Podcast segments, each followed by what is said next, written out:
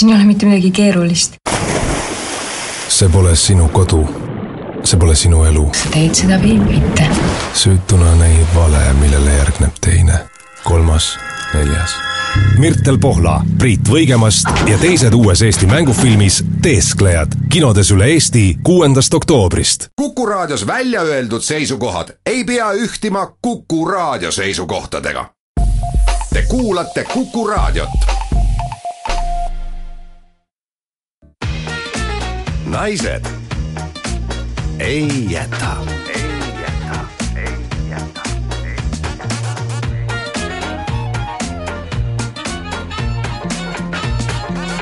naised ei jäta. tere hommikust, armsad raadiokuulajad, kell on saanud üheksa läbi kaheksa minutit. naised ei jäta, eelviimane saade on alanud. stuudios on Kristi ja Marit tere hommikust ja tõde see on, kes veel kursis ei ole, siis Naised ei jäta saade lõpetab Kuku raadio eetris, nii et täna on selline eelviimane tavaline saade. Ja järgmise saatega me korraldame juba piduliku äh, kontsertaktuse, toimub ülekanne Kuku raadio tehnikud, pange ennast valmis.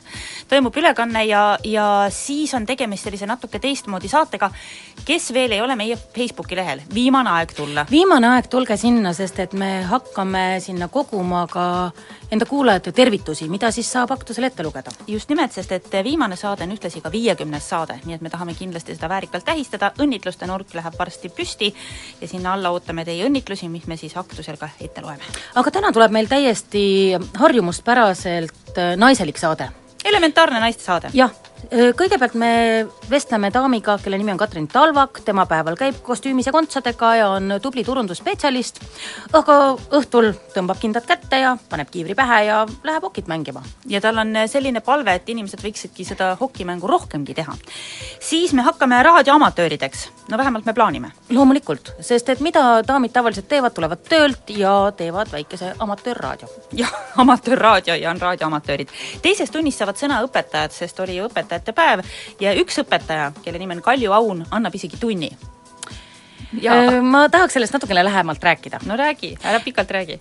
Kalju Aun on autosõidu õpetaja ja juhtus selline märkimisväärne lugu, et meie panime Kristi rooli. ja, ja tegelikult see on märkimisväärne lugu, sest Kristi pole varem roolis olnud. aga Kristi roolis ja see oli ilus oli jah? väga ilus oli, väga elegantne. jaa, Kristi roolis elegantselt, no kuidas näeb välja päris, päris algaja esimene sõidutund, sellest saate osa äh, uues tunnis, ja vestlusringis on ka õpetajad koos, siis juba kooliõpetajad, kes lapsi õpetavad ja uurime nende ametikohta, miks nad seda ikka veel peavad ja kas siis tänapäeva lapsed on teistsugused ja õppekavadest räägime ja kõigest sellest. ühesõnaga tuleb meil selline täiesti üdini naiselik saade. just nimelt, kõik see, mis naistele meeldib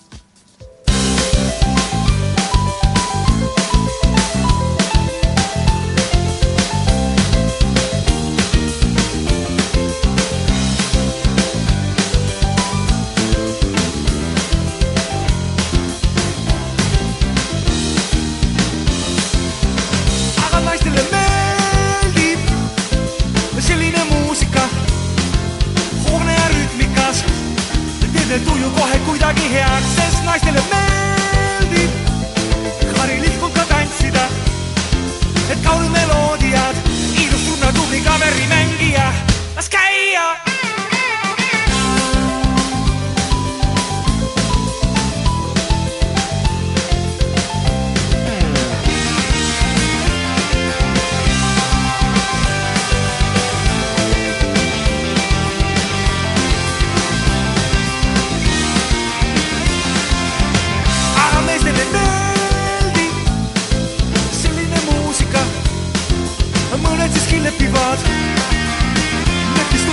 aga siis meestele meeldib, kui naistel on hea, siis saab õlut juua sõpradega ja mõnele naisele külge lüüa, las käia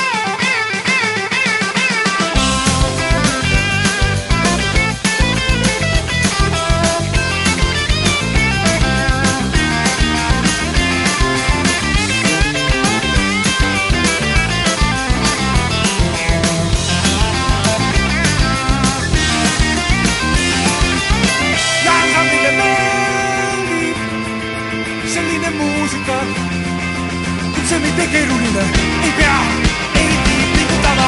Ja ansambile meeldib, kui naistele meeldib ja kus on palju naisi, seal on varsti mehed ka, las käia!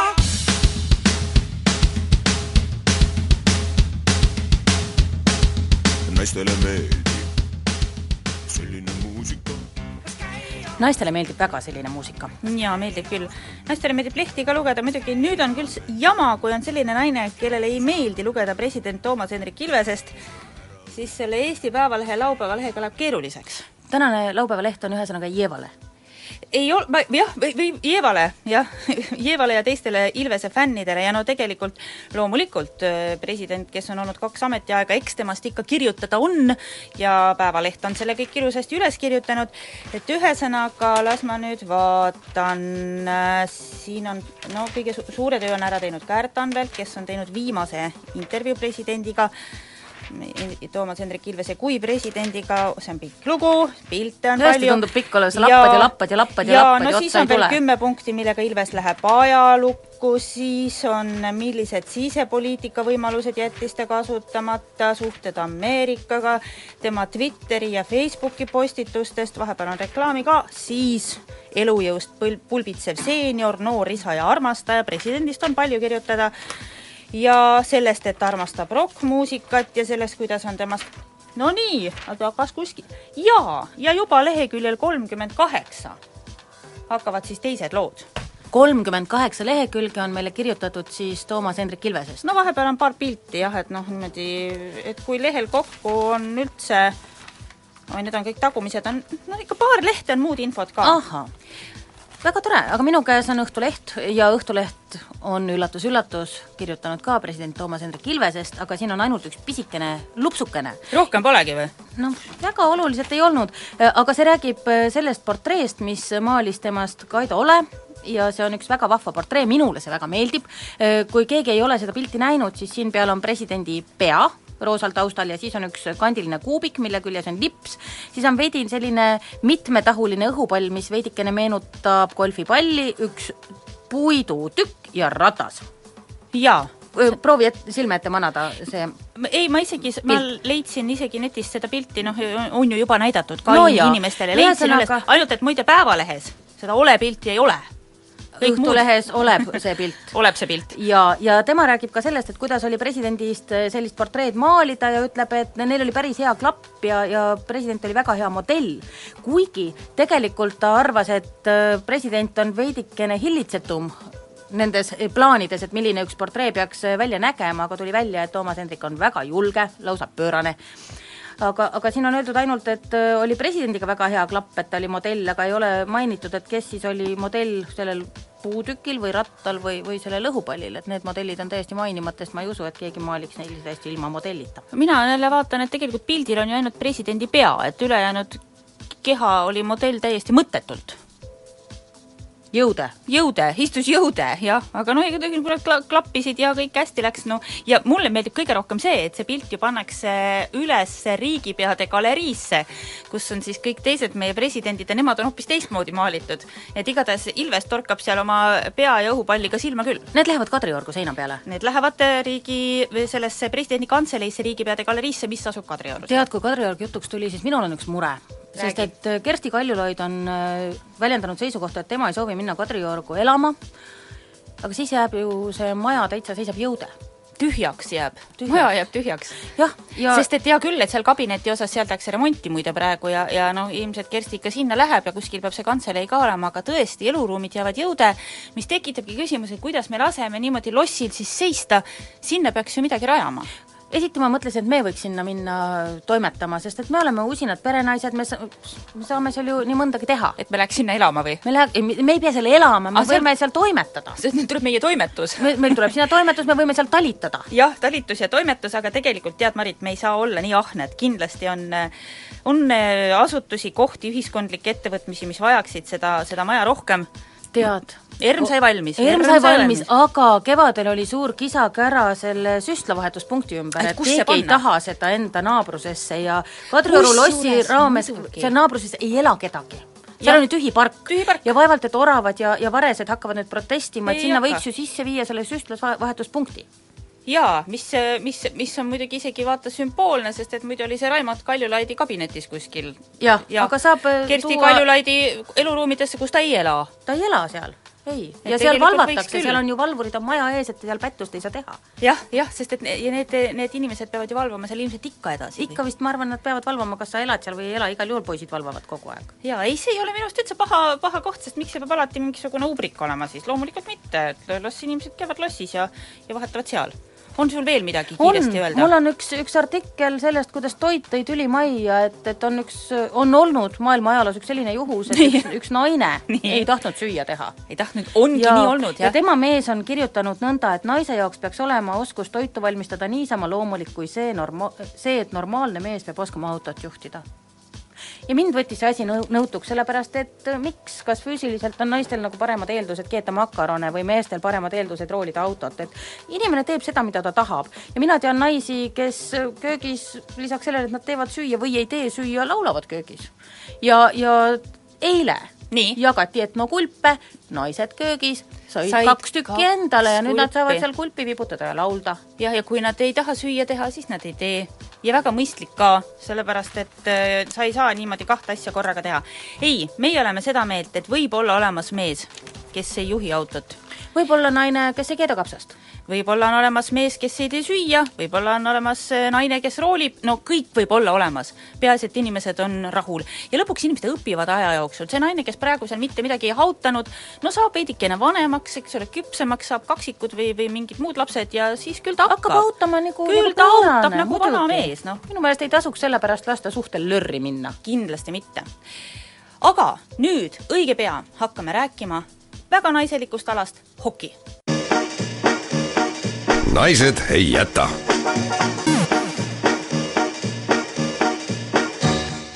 tänasel kaunil hommikul räägime spordist, räägime jäähokist ja meil on täna hommikul külas jäähoki entusiast Katrin Talvak, tere! tere hommikust! no kui palju oled sa pidanud õigustama seda, et sinu huvialaks ja sinu hobiks on selline sport nagu jäähoki? pidevalt. Et noh, Eestis ikka, kui äh, räägid oma kallist spordialast, siis äh, need pilgud, mis selle peale tulevad, on äh, küsivad, paremal juhul, kehvemal juhul äh, tuleb sinna kommentaar, nii ilus naine ja nii kole spordiala, et äh, ikka juhtub, jah. Väga paljudel inimestel on nende lemmikspordiala küljes juba lapsest saadik, et kes tegeleb ujumisega, on läinud nelja-aastaselt ujumistrenni ja kes tegeleb maadlusega, on andnud sõrme maadlusele ka a la seitsmeaastaselt. kas sina hakkasid neljaselt mängima hokit? I wish, ütleks ma selle peale, aga ei, ei hakanud neljaselt hokit mängima, kuigi oleks ma elanud äh, Soomes või Kanadas, siis äh, mine sa tea, mine sa tea. aga tegelikult minu see hokiarmastus äh, jah, kaudselt sai alguse küll jah, lapsena. ma isegi ei mäleta, kui vana ma võisin olla, üsna niisugune lasteaiapõnn ilmselt, kui ma alustasin uisutamisega iluuiskudega tegelikult aga kuna ma olen pärit niisugusest toredast armsast väikelinnast nagu Paide, kus äh, tol ajal jäähalli polnud ja pole tänaseni kahjuks, et siis sai selle uisutamisega algust tehtud äh, maal Vanemäe tiigi peal. Õega tegime endale tiigi äh, mm, lumest puhtaks ja seal me siis uisutasime. hommikul läksime, vahepeal käisime söömas lõunat mm -hmm. ja siis panime kuni pimedani. et tegelikult selle uisutamise armastuse jaa ma sealt äh, pärisin ja telekast vaatasin neid graatsilisi armsaid iluuisutajaid ja unistasin, et kord minagi esindan NSV Liitu kas olümpiamängudel või maailmameistrivõistlustel, kandes äh, ilusat äh, litritega kleidikest ja liuglen luigena jääl. paraku see nii ei läinud jaa, paraku läks nii või no mis paraku, et siiski mõned-mõned head aastad hiljem läksid sa jääle küll, aga ei pannud selga litritega kleidikest, vaid rah-, rahmakad, rohmakad, kõigepealt suure särgis, rohmakad riided. ja hakkasid ise litrit lööma? jah, just, liter jäi aga teises, teises kontekstis. aga kuidas sa sinnani jõudsid? ma nimetaks seda tegelikult äh, isegi juhuseks.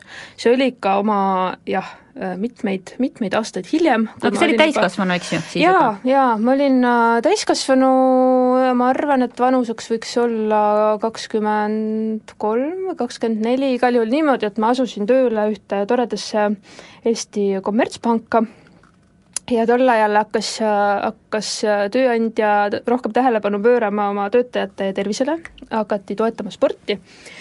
Ja kuna meil oli kolleegide hulgas üks vana hokitreener, siis tema postitas selle panga intraneti kuulutuse, et kõik on oodatud jäähokitrenni, mõeldes eeldatavasti, et äh, tegemist on äh, meeskodanikega, kes talle sinna trenni ilmuvad ja pank maksis siis kogu selle jää ja pulli kinni. ja minul oli üks teine kolleeg, naisterahvas.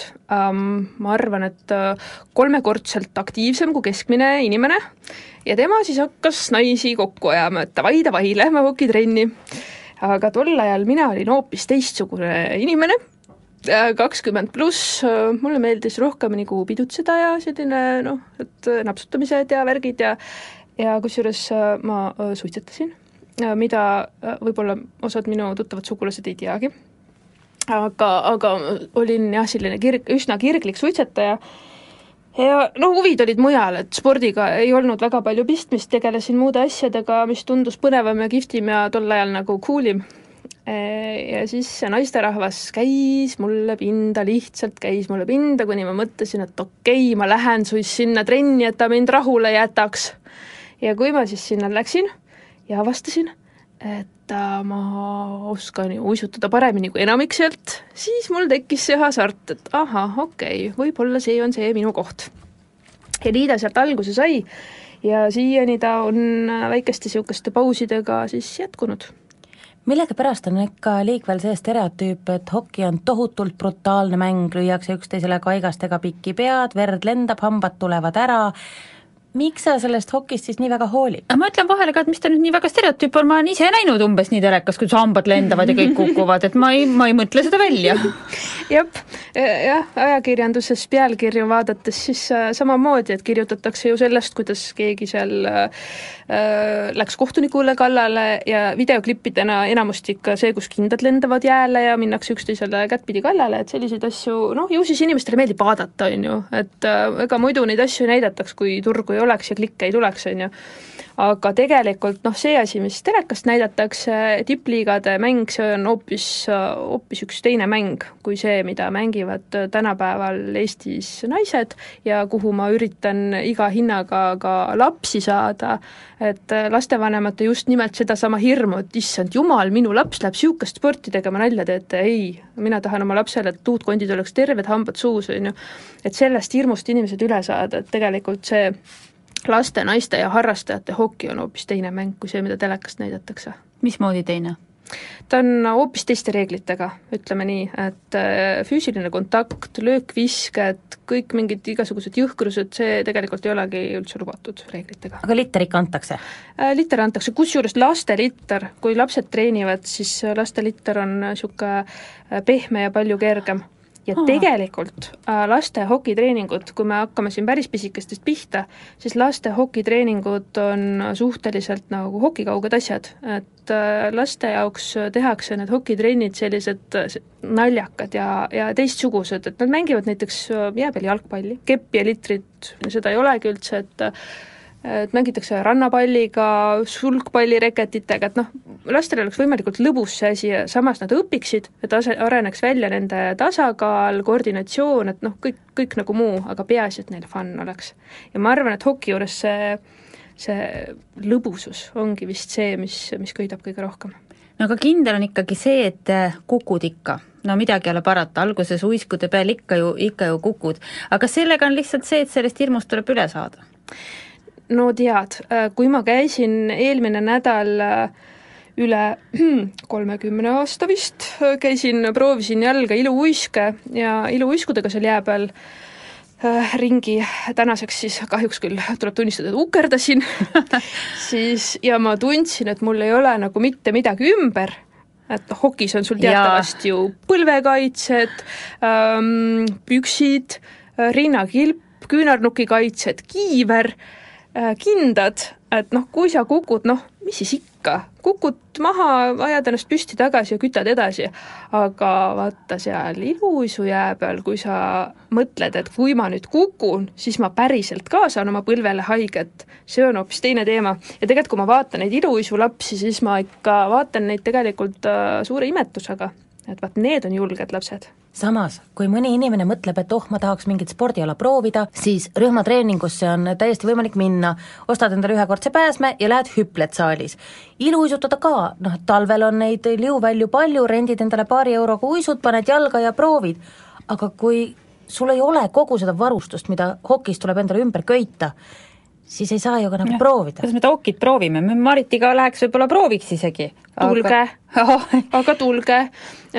Selles mõttes, et kui sa leiad endale sobiva pundi, siis äh, enamasti või noh, paljudel puntidel on mingi niisugune varuvarustus et mida saab välja laenutada, meil näiteks naistehokis, meil kindlasti teile kahele jagub varustus, nii et tulge proovige aa, nii et kuida-, kui inimene tahakski proovida, mis, mis ta tegema peaks siis kõigepealt? no tahakski ühe korra proovida, kuidas on jäähokit mängida, no mängida ta, ei saa, aga ta saab selle tunde kätte, mismoodi selle varustusega ja, ja selle eh, hokikepiga ja litriga toimetada mm. -hmm. Siis noh, kui tegemist on naisterahvaga, siis ta võib vabalt üles otsida meie pundi, HC Panter naised, Tallinnas proovida, Kohtla-Järvel on samuti naiskond olemas, ma arvan, et nendel on samamoodi võimalus soovija riidesse panna ja jääle talutada hellalt et äh, ma usun, et ei ole mingit probleemi, aga noh, meesterahvastega peab siis vaatama, et äh, ma usun, et kui mingi pundi endale leiad, küll need hokiinimesed aitavad su välja kuidagi hädast, et kas mõni laenutab oma varustust äh, kas või, või midagi. ma saan aru, et sinul on oma punt, kellega sa hokit mängid, kuhu te tahate siis välja jõuda? olümpiamängudele, maailmameistrivõistlustele, milleks te treenite? Noh, tegelikult äh, mul on lausa kaks punti, kus ma, kus ma treenin, et et ise ma mm, harjutan või noh, kus ma, kus ma käin mängimas, on meeskond. meeskond ehk siis meestest koosnev kond? just, meeste punt mm, niisugune -hmm. korralik harrastajate meeste punt. võtsid su punti? noh, võtsid mu punti jah, paar aastat tagasi. Äh, pika hambaga või? ei tea, seda peab nende enda käest küsima, eks neil kohati ole need hambad natuke pikemad, kohati lühemad, aga aga ei, üldiselt nad on viisakad ja toredad, et, et ei ole, ei ole hullu. aga noh, eks, eks ikka see noh, nagu natukene see stereotüüpne suhtumine ikkagi mingites olukordades ähm, noh, ütleme nii, et ikkagi peegeldab kuskilt, on ju.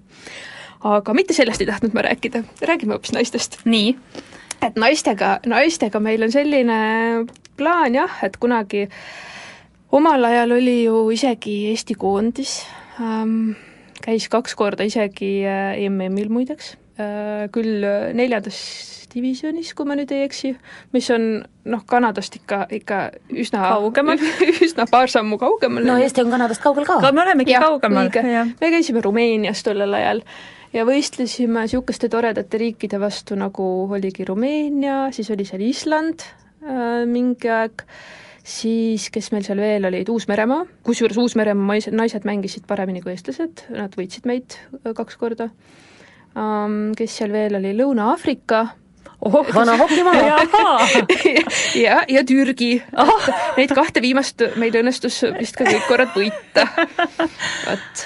aga kogemusena oli kindlasti väga võimas, noh see mhm. päris võistluse tunne, eks ju. ja, ja ikka niisugune, vaat see oli kihvt, kui sa noh, muidu käid ja taod seal ja trennis äh, või noh, isegi kui paned oma võistkonna särgi selga, ka kihvt, aga vaata, kui sa tõmbad Eesti rahvuskoondise särgi selga, see tunne on natuke teistsugune, see ikka on äge. ja siis on ikka niisugune noh, tunned, et äh, kui ma nüüd ennast endast kakssada protsenti ei anna, siis ma olen justkui nagu alt vedanud või, või see on niisugune teistmoodi äge tunne. aga miks sa ütlesid, et meil oli koondis, kas siis enam ei ole mm? -mm tänaseks enam ei ole. ja kui siin eelmise küsimuse vastuseni jõuda, siis äh, see ongi võib-olla see kõige lähem eesmärk, et äkki meil ühel päeval on uuesti koondis. nii et praegu me saame teha Eesti naistele üleskutse, daamid, teeme ära teeme see, koondise. teeme koondise. jah, ja kusjuures kuna naiste hoki on niisugune nišiala, siis äh, koondisse pääsemine on väga lihtne üsna tõenäoline. nii et äh, tule, tule mängima ja suure tõenäosusega mängid koondises varsti. Lähme olümpiale. aga meil ikka treener ka tuleb või keegi, kes aitab ja õpetab? ja naistel on tegelikult olemas meil on lausa kolm treenerit no see on lootustandev. roteeruvad, et äh, kogemustega õppinud täitsa, täitsa kabedad treenerid, ütleme nii no kui nüüd sellest naljast niimoodi üle saada naiste hoki, kelle see meeste hoki nüüd Eestis ka ülikõval tasemel ei ole, mi-, mille taga see siis seisab, kas see, et ikka tükk aega ei olnud neid harjutuskohti, järelkasvuga on ka vist kehvad lood, eks ju? või on meil talved liiga pehmed olnud? vaat, võta sa nüüd kinni, ma arvan, et võib-olla pigem äkki sinna kanti see asi läheb, et äh, ikkagi neid harjutuskohti oleks vaja, sest talved on ju pehmed mm, -hmm. eks. et äh, eks, eks see selle taha vist ikka suures osas jääb et jäähalle on vähe mm? -hmm. jäähalle on tänaseks, eks Tallinnas, on Narvas, on Kohtla-Järvel, on Tartus ja Viljandis on niisugune pooljäähall, mis äh, toimib külma ilmaga. Et rohkem ma justkui nagu ei teakski ja siis on väliväljakud, aga noh, see on ikkagi ju vähe. nii et Eestis võib olla tohutu hulk kaduma läinud hokitalente, just, jääalade talente, mine sa tea, võib-olla ma siiani olen kinni mõttes, äkki ma oleks iluuisutaja olnud, oleks lapsena saanud jäähallis harjutada. ma võin natukene nahutada no., et ma harjutasin ka ema kombineega keerutamist ja näe, ei saanud minust iluuisutajat, kuigi Tallinnas oli jäähall olemas. aga esimene võimalus, kui mitte ise võib-olla jääle minna, siis oma lastele tutvustada jääd ja noh, proovida, et kuidas talle meeldib, on juba nüüd, sellel samal nädalavahetusel mm. -hmm. täna, täna, just ja, ja täna kuhu tulla, mis kellaks, mida teha? Täna jõuab veel kiiresti välja otsida oma lapse ükskõik kas rulluisu või rattakiivri ähm,, panna laps mm, sellises välikonditsiooniks või noh, jääkonditsiooniks sobivalt riidesse ja tulla kella kaheteistkümneks või pisut sutikene ennem Tondirabe jäähalli. seal on kohal kõikide Tallinna hokiklubide lastetreenerid kes on ette valmistanud igasugused toredad needsamad mängulised aktsioonid, millest ma rääkisin, et litrit ei pruugi puutuda isegi mitte, haiget keegi ei saa, hambad jäävad suhu et äh, see, mis ma luban, on kindlasti hästi palju toredaid emotsioone ja lastele selline esmase jäähoki või uisutamise kogemuse võimeldamine äh, parimate treenerite käel mis vanuses lapsi te täna sinna ootate, kas lausa selliseid, kes on alles käima hakanud või neid, kes on juba kaksteist aastat vanad, milline see vanus on? no ametlikult me panime kuulutusse tegelikult neli kuni kümme, aga kui tuleb seal kaheteist-kolmeteistaastane või äh, andekas äh, kahe poole aastane, ma arvan, et kõik on jumala okei okay jääle lasta, et kõiki aidatakse ja kõigest kantakse personaalselt hoolt, et meil on seal kohal äh, praktiliselt kogu meie hokinaiskond, kes hellalt assisteerivad siis neid kogenud hokitreenereid ja, ja vaatavad, et kõikidel lastel oleks äh, silm peal ja ja abi käe pärast võtta.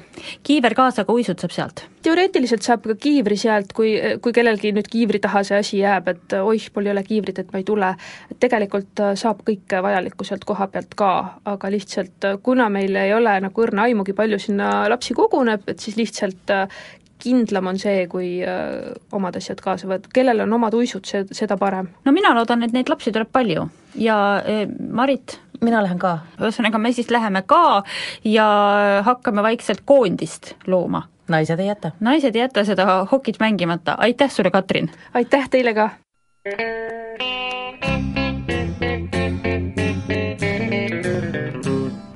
Hello out there, we're on the air, it's hockey night tonight. Tension grows, the whistle blows, and the puck goes down the ice. The goalie jumps and the players bump, and the fans all go insane. Someone roars, Bobby scores at the good old hockey game. Oh, the good old hockey game is the best game you can name. And the best game you can name is the good old hockey game. Second period where players dash with skates of flash. The home team trails behind, but they grab the puck and go bursting up, and they're down across the line. They storm the crease like bumblebees, they travel like a burning flame. We see them slide the puck inside, it's a 1 1 hockey game. Oh, the good old hockey game is the best game you can name. And the best game you can name is the good old hockey game period. Last game in the playoffs, too. Oh, take me where the hockey players face off down the rink. And the Stanley Cup is all filled up for the champs who win the drink. Now the final flick of a hockey stick and a one gigantic scream. The puck is in, the home team wins the good old hockey game. Oh, the good old hockey game is the best game you can name. And the best game you can name is the good old hockey game. Oh, the good old hockey game is the best game you can name. And the best game you can name is the good old hockey game. Oh, the good old hockey game is the best game you can name. And the best game you can name is the good old hockey game.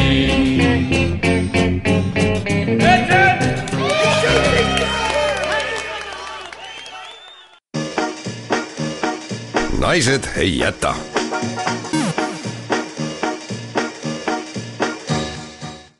eelmises saates ütlesime me inimestele välja, et meie saade peatselt lõpetab, saime väga palju tagasisidet. murelikku.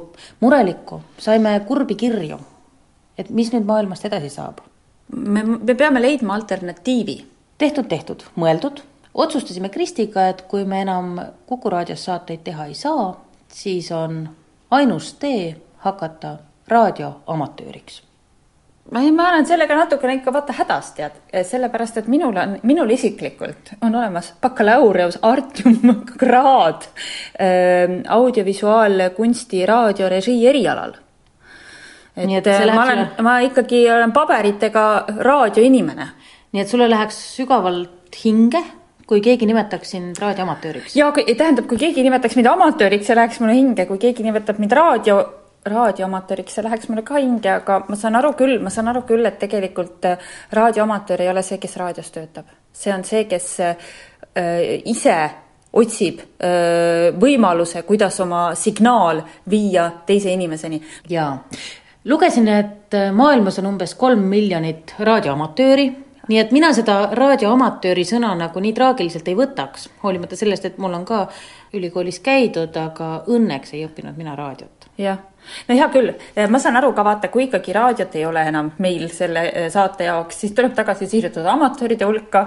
Ja äh, Marit, tubli tüdruk, leidis kogunisti netist üles sellise asja nagu raadioamatööride käsiraamatu, mis on väga põhjalik teos, vist sada lehte või? sada lehte, siin on pikemalt räägitud raadioamatööride ajaloost, aga peamine on see, et raadioamatööriks võib saada igaüks, nii koolipoiss kui professor, arstiõpetaja, kirjanik ja traktorist. ma ei näe siin seda, et endine raadiotöötaja. aga äkki see käib selle ülejäänud igaühe alla? jah mm, -hmm. sest et siin on öeldud, peab olema vaid piisavalt tahtmist, esimese kutsungini jõudmine eeldab päris palju õppimist ja pühendumist. kuule, oota, vaata nüüd järgmist lauset, kutsungi saamiseks tuleb sooritada eksam. mismoodi me seda teeme siis nüüd? jah, esiteks on mulle esi, esialgu veel selgusetu, mis asi on kutsung. kas see on nagu see saate alguses see signatuur? jah, alguses tuleb signatuur. no see on see, et sa saad kellegi kätte, noh. et keegi kuuleb sind. ei, aga kutsung on ju see põhimõtteliselt, et sa kutsud, ega see ei tähenda alati, et keegi vastama peaks. see on lihtsalt, et sa äkki hüüad vaja seda mingit oma seda. ahoi, ahoi, sebra, sebra, siin küülik. just. huvitav, kas seda kutsungit saab ise valida? Kas me võime ise valida oma kutsungi? tuleb pidada, tuleb sooritada eksam, pidada näidisside eksamikomisjoni poolt valitud korrespondendiga. ja ei, see saab olema keeruline või keegi peab õpetama ju seda, vaata. ja, aga siin on öeldud ka seda, et omal käel alustamine on üsna raske No et väga paljusid asju suudavad õpetada ainult kogenumad amatöörid. mis asi on kogenud amatöör? mul tekib ka küsimus, et kogenud amatöör minu meelest on pigem nagu professionaal. ta on professionaalne amatöör, ma arvan et, et meil on vaja professionaalset amatööri, mis, kes ei ole mina, kuigi mul on paberid, sest mina ei tea, kuidas me kutsungi saame. mina sain meile eetriaja kaks tundi, mis nüüd lõpeb, aga kuidas saada kutsung, ei tea. mina tean. noh, ilmselgelt tuleb ära õppida morse. jaa, morse, muidugi. me hakkame edaspidi oma sõnumeid rahvale edastama morses. näiteks võime me kusagil ööpimeduses taguda kaigastega vastu metallist prügikonteinerit. selliseid sisukaid See- pikki kõnesid. meie saade hakkab edaspidi olema morses.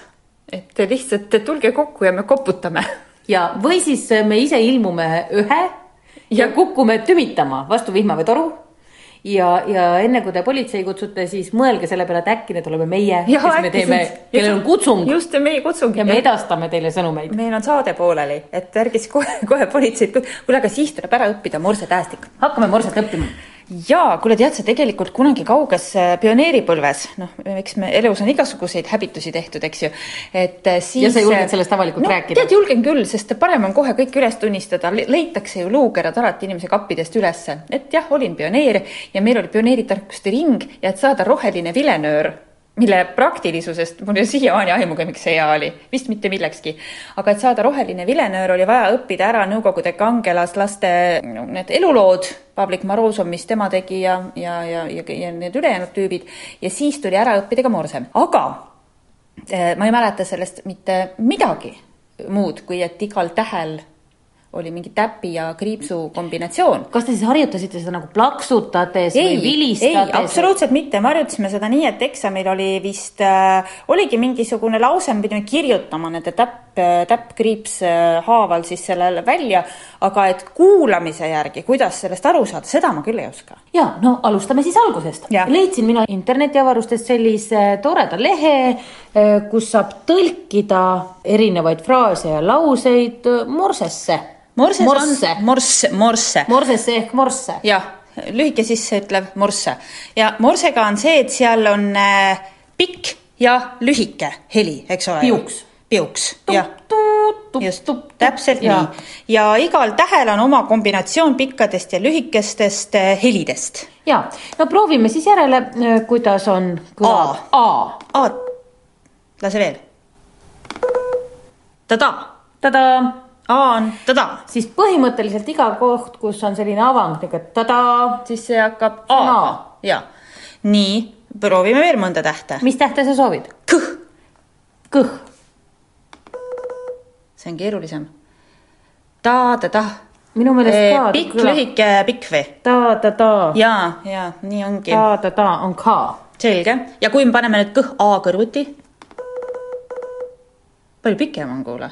Väga pikaks läks. aga mina nüüd tegelikult oota küll täpselt aru ei saa, millal see üks äh, lõpeb ja, ja teine algab. no kuula uuesti, kuula No. tähelepanelikult. Jah, vist sain küll, jah. ta-ta jah, ka jah. nii, siirdume pikemate siirdume sõnade juurde. pikemate sõnade juurde, no mina tahaks kirjutada naised ei jäta, naised ei jäta. Ja teatab mulle see apostroat, et ei saa kirjutada naised ei jäta. Sest et ä-täht on siin sees ja ilmselgelt see rahvusvaheline morse ei tunnista ä-tähte oota, mis mõttes hääd ei ole? no tead, ma kirjutan siis samamoodi nagu enne vanasti telegrammide peale. Jaeta. Jaeta. jaeta, naised Naised na,, naised võib ikka õigesti kirjutada, Nais-, naised. naised võib õigesti. naised ei jäta No. nii, kuulame.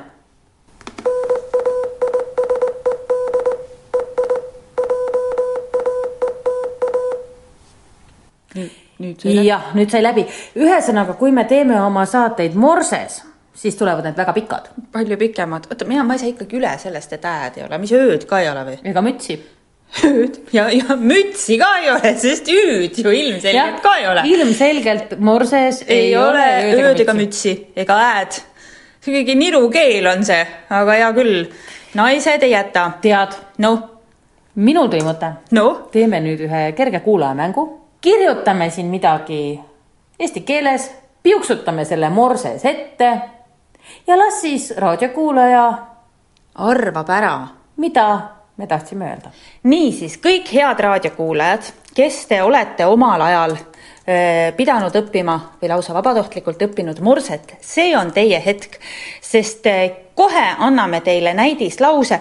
seda ka, et vaata, selles masinas saab lasta kiiremini ja aeglasemalt, eks ole ju, neid öö, täppe ja teeme sellise aeglasema versiooni jah. et inimestel oleks siiski aeg meelde tuletada, ega see morse ei ole niimoodi pliu-pläu. teeme natuke rahulikuma, et ei piuksu nii, et ve- vererõhk laes. rahulik morse versioon, kuulake ja kirjutage ülesse, võtke nüüd pastakas rahulikult ja, ja kirjutage ülesse, mida Marit teile morses ütleb ja kui me saame õige vastuse, siis on lootust, et me võime neid saateid edaspidi morses teha. kui me ei saa ühtegi õiget vastust, peame midagi muud välja mõtlema. jah, nii on. nii, kuulake tähelepanelikult, tegemist on, ütleme nii palju, tegemist on viiesõnalise lausega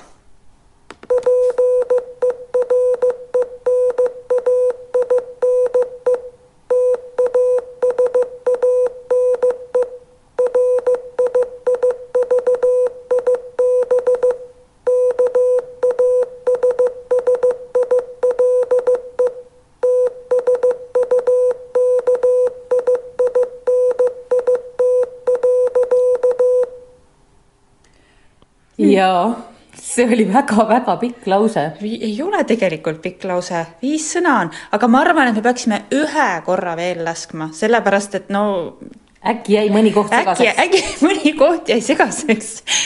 ükskord laseme veel, olge tähelepanelikud, mida Marit teile Morses ütleb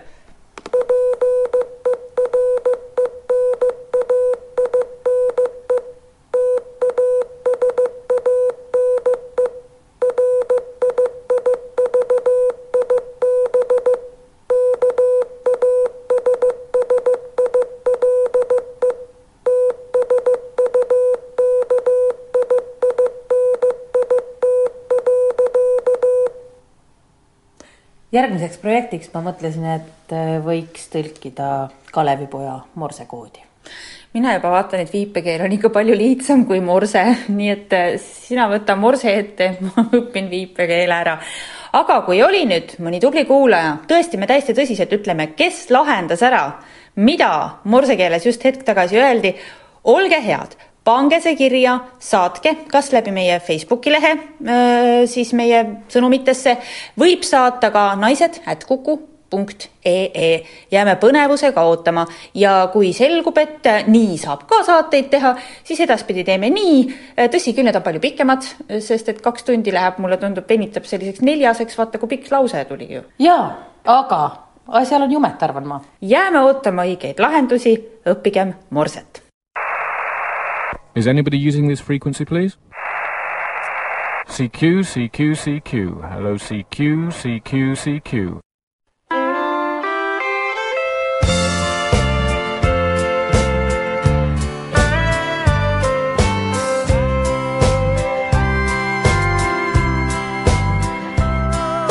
You wake up every morning, you go to work, then home again, that old routine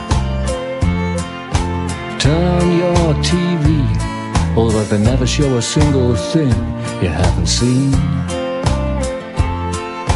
Checking out the internet's no fun no more, it's all just ads and spam.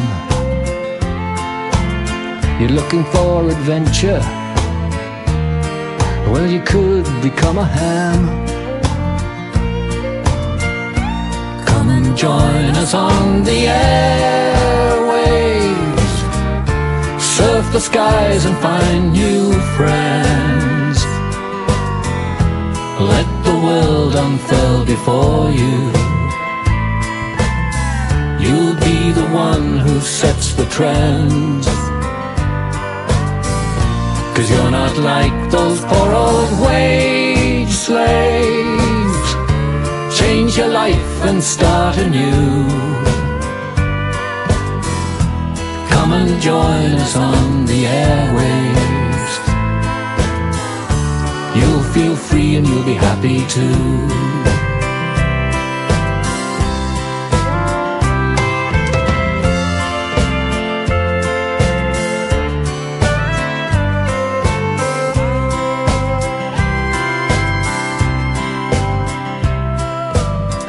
To friendly folk from far off lands of which you've never even heard. Pick up local knowledge about all those world events that just occurred. Turn your hand to contesting. Adrenaline starts coursing through your veins.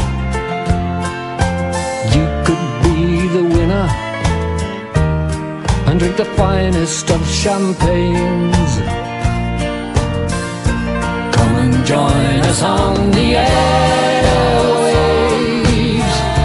Surf the skies and find new friends. Let the world unfurl before you. You'll be the one who sets the trends. Cause you're not like those poor old wage slaves. Change your life and start anew. Come and join us on the airwaves. naised ei jäta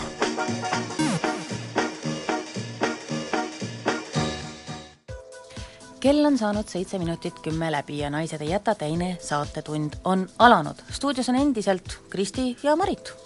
tuletame meelde, et Naised ei jäta Facebooki lehel on võimalus saata meie viimase saate puhuks, mis on eetris järgmisel nädalavahetusel, meile väike õnnitlus, sest viimane saade on ühtlasi ka viiekümnes saade. ja kui juba üks meie kuulaja küsib, kas me ei viitsinud sadat saadet teha, siis äh, asi ei ole meie taga. asi ei ole meie taga, meie viitsime küll. jah, viitsime küll. aga ole hea, Urmas, saada meile nüüd ikkagi õnnitlus ka, me loeme selle ette viimases saates. lisaks salmikule on ja. meil Facebooki üles riputatud ka meie eelmises lõigus kõlanud morse. Nii et saate mõistatada, saatke palun õigeid vastuseid, mida tahtsid naised, raadioamatöörid teile öelda jah, ja tegelikult noh, asja mõte muidugi ei ole see, et summige umbes ja pakkuge mingi lause, kuigi ka seda võib teha, sest äkki õnnestub pihta saada. Aga kui teie hulgas on ikkagi inimene, kes morset mõistab, see oleks veel eriti äge. aga edasi hakkame tallama hariduse radadel jaa, me räägime, selles tunnis me räägime ainult õpetajatega ja esimesega nüüd juba kohe, tõsi, tegemist ei ole traditsioonilise kooliõpetajaga. Naised ei jäta sel nädalal oli õpetajate päev ja kui mõelda õpetaja peale, siis õpetaja ei pea olema tingimata see, kes seisab klassi ees ja jagab äh, sellist koolitarkust nagu äh, üks pluss üks on kaks ja milline on maailma kõige pikem jõgi ja muu samas vaimus. õpetaja võib olla ka see, kes istub sinu kõrval autos ja kui sul parasjagu midagi untsu läheb, on tema see, kes omal pidurit vajutab, et me kuskile kraavi ei sõidaks otsisime üles Tallinnast Kalju autokooli sõiduõpetaja Kalju Auni, tere Kalju! tere, tere, Kalju siin, jah. kas, kas õpetajate päev oli teil ka natuke pidulikum päev või? ei olnud eriline päev, aga õppetöö käis nagu mujalgi. kui me mõtleme õpetaja peale, siis õpetaja peaks olema selline arusaaja, rahulik, mitte ärrituv inimene, kes suudab inimesele puust ja punaseks midagi selgeks teha. kas autosõiduõpetajal peavad olema veel mingid isikuomadused, et seda tööd hästi teha? võib-olla, et erilisi vahet ei ole, aga eks seal on siis jah, et, et oskad psühholoogiliselt võib-olla inimest aidata, kui on mingi kartus liikluse ees ja võib-olla tavaõpetajal võib-olla se- selliseid probleeme ei ole. et liiklus on ikkagi ohtlik valdkond. aga eks siis ikka õpetaja räägib, näitab ära ja siis teine teeb jälg, järgi ja siis, et inimene võtaks kohe sellise hoiaku, et mulle meeldib. ja ma naudin seda, mida ma teen ja siis läheb kohe paremaks aga kuidas sõiduõpetajaks üldse saadakse? ma loodan, et igaüks ikkagi, kes autoga sõita oskab, ei saa olla sõiduõpetaja. nojah, et eh, kes ei ole varem autoõpetaja olnud, need käivad aasta otsa koolis ja vahest läheb üle aasta, et tundi on seal palju, teooria osa ja praktika osa, aga kes olid varemalt õpetajad, need, need, nendel see koolituse õigus säilus, aga nüüd kõik õpetajad käivad iga viie aasta järel nagu täienduskoolitustel. et mida on uut tulnud, mida on muutunud ja nii edasi. et sellega värskendatakse õpetajaid ja hoitakse ühtlase taseme juures Ameerika filmidest on meile juurdunud kuidagi selline pilt, et kõik, kes saavad kuusteist, teevad kohe endale juhiload. sina autoõpetajana, millised on need tüüpilised Eesti autosõiduõpilased, kas kõik on kuueteistaastased? nojah, et kuueteistaastaselt nüüd viimasel ajal ei tuldagi eriti, sellepärast et kuueteistaastane võib lapsevanema kõrval ainult sõita. väga paljud selle peale ei lähe ja viimasel ajal ei mindagi selle peale. ja nad tulevad kaheksateistaastaselt ja siis nad saavad iseseisvaks juhiks. aga siis eks kellel on varasemast ajast kursus pooleli jäänud või kes ei olegi seda kunagi ette võtnud, siis tõesti, et osa on siis ikka eakamad ja osa on siis nooremad ja eks neid nooremaid on rohkem. mina näiteks äh, pole oma elus mitte kunagi autot juhtinud. kui palju on veel selliseid, kes tulevad ja no tõesti ei ole proovinudki, sest noh, selge on see, et on mingi hulk inimesi, tegelikult ma tean ise ka päris mitut, kellel lube ei ole, aga kes teoreetiliselt teavad, kuidas sõidetakse mm. -hmm. no näiteks maal elanud ja kunagi ikka mingisuguse isa autoga kuskil küla vaheteel paarutanud, aga, aga kui palju on neid, kellele te alustate nagu täna minule, kuidas see asi käima läheb? no võib-olla kursuse alguses me küsime, et võib-olla poolt, pooled ei olegi kunagi proovinud. Aga mõnes kursuses on kõik jällegi proovinud, aga võib-olla keskeltläbi pooled ei ole proovinud. Et eks see õpetus algab niimoodi, et nagu nullist nagu keegi ei oleks proovinud, kui tal kõik tuleb hästi välja ja, ja läheb kohe kiiremini edasi ja ei olegi vahet, kas ta on proovinud või ei ole, kui ei ole, siis ta kordab teatud elementaarseid asju ja jõuab ikka edasi, ta jõuab nii järk-järgult, aga kes on varem sõitnud, see jõuab kiiremini edasi. Ja muud vahet ei ole. Töötame lihtsalt sellest tasemest, mis on, et alati tuleb eh, seda ka rõhutada et see tase, mis mul on, sellega ma olen rahul. et ei tekiks endalt rohkem nõudmist, kui ma suudan. see võib põhjustada lukustumist. ja siis töötan lihtsalt edasi, naudin seda, mis ma harjutan, olen rahul endaga ja eh, arenen edasi, järgmine tund jälle ma tulen, ma olen rahul endaga, see tase, mis mul on, sellega ma olen rahul, ma ei muretse, siis ei ole seda pinget õppimise ajal. ja, ja siis lähemegi kogu aeg edasi kas sinu kogemuses on ette tulnud ka selliseid õpilasi, kelle kohta sa ise ka ütled, et noh, mulle tundub, et on parem, kui see inimene mitte kunagi rooli ei istuks, ta on ohuks nii endale kui ühiskonnale? no vahest võib-olla tundub, aga et õppetöö käigus tuleb üks hetk, kus ta hakkab arenema ja noh, nagu ette ei aima, millal see tuleb. no ja siis vaatad, et ta küll areneb kaua ja läheb võib-olla, tal läheb kaks aastat, mõnel on läinud kolm aastat. aga ta lihtsalt õpib kauem, et öeldakse, et inimesed õpivad erinevalt. aga siis võib-olla, kui on sünnipäraseid noh, erisusi, midagi ei püsi meeles või kardab liiklust ja, ja eks ta sel-, kes kardab, sellega saab ikka võib-olla ka hakkama, ma usun, et ikka saab hakkama, sest saab ju teha jõukohaseid harjutusi ja ta enesekindlus kasvab ja siis otsida, vestelda, et mispärast tal see võib-olla on, mõnel on lapsepõlvest kogu aeg on saanud eksimuse pärast noh, halba tagasisidet. Ja siis ta hakkab sisendama endasse, et, et talle meeldib, ta on endaga rahul, tema teeb ise otsuseid, ta ei ole nagu käsualune siin roolis kõrvalistuja jaoks.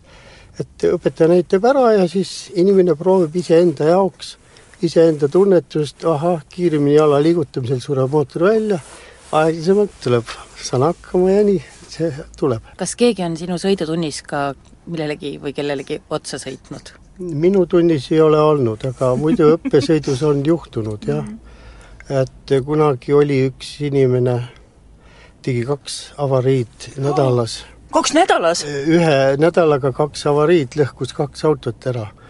ja ta oli emotsionaalselt pinges inimene. ta kartis ja siis ta otsustasid, et kas alustame sõitu peateele või ei alusta. otsustas, et alustab.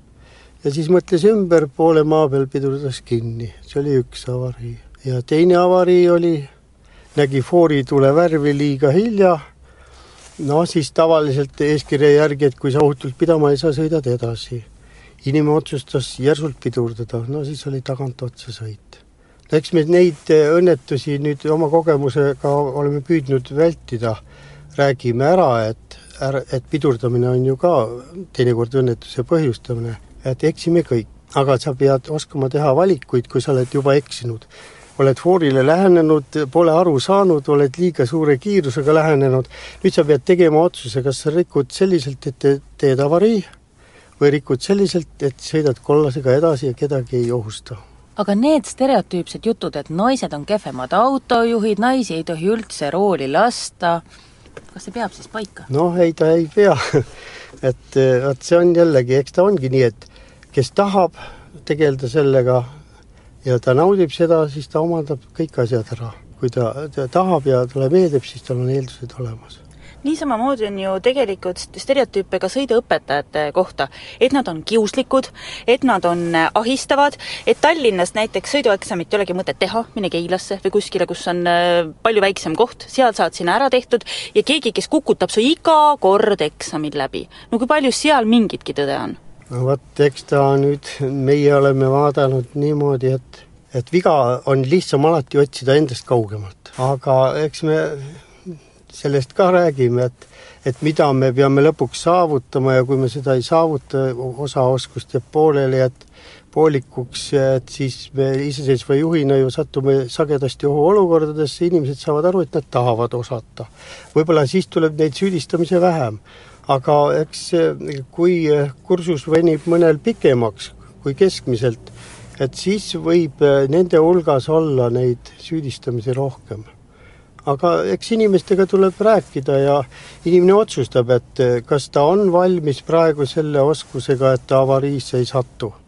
ja kui ta teeb vigu, saab aru, siis ta, siis ta ei hakka nagu nii vaidlema, võib-olla lapsevanemad vahest, et raha välja käia on alati ühtemoodi, et mida vähem välja käid, seda parem, aga et oskus põhjustab auto lõhkumise väljaminekuid ja, ja nii edasi et eks juhtub kõike, aga mis eksamite kohta siin või teises või kui on ikka õpitud Tallinnas, ega siis ei pruugi see eksam mujal lihtsam olla.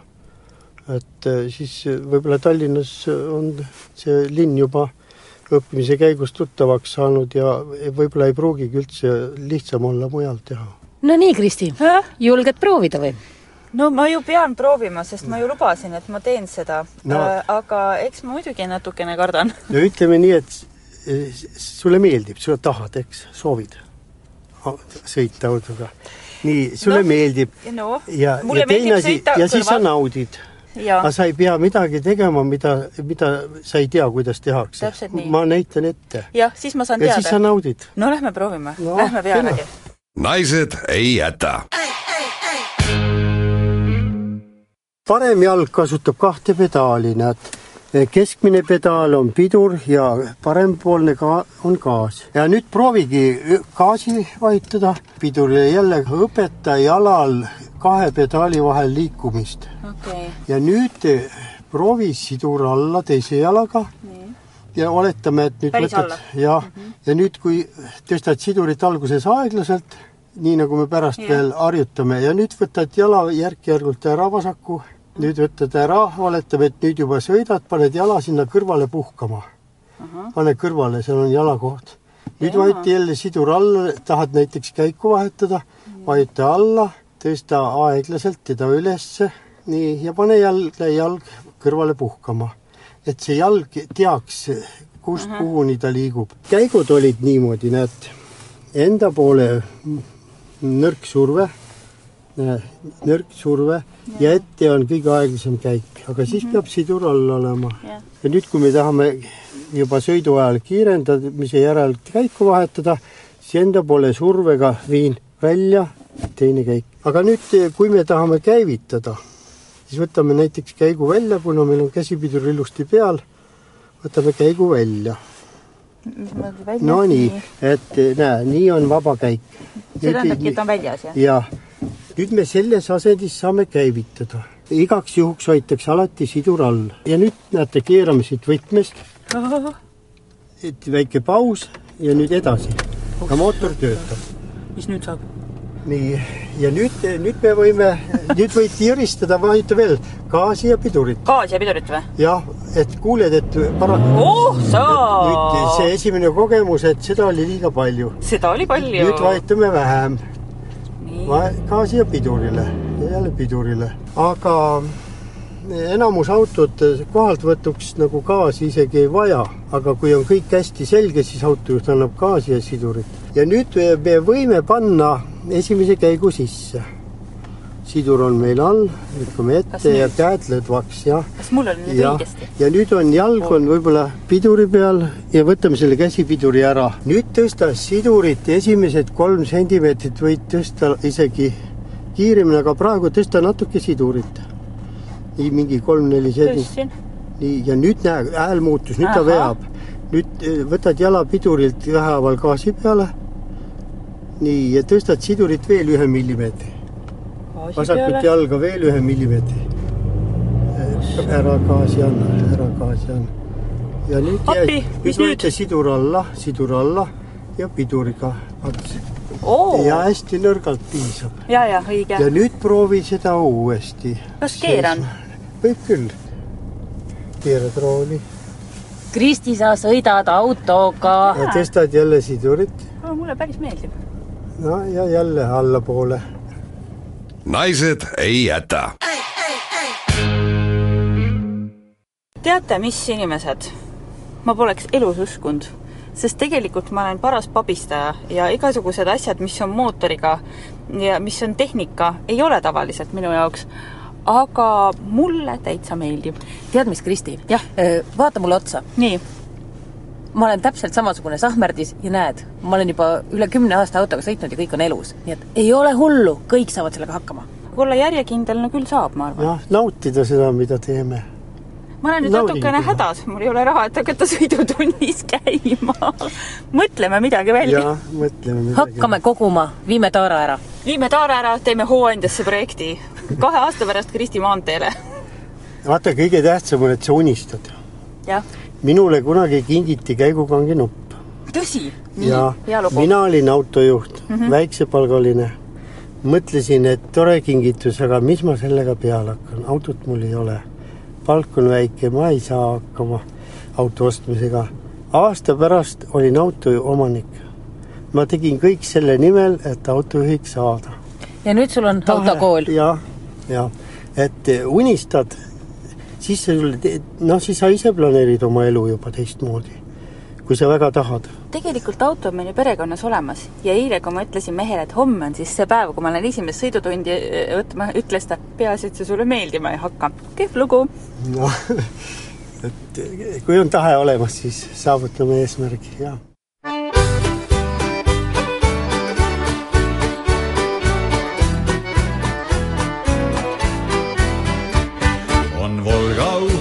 Kaunitar ja Moskvitš baleriin ja Tšaika päris linnadaam, nii uhke limusiin.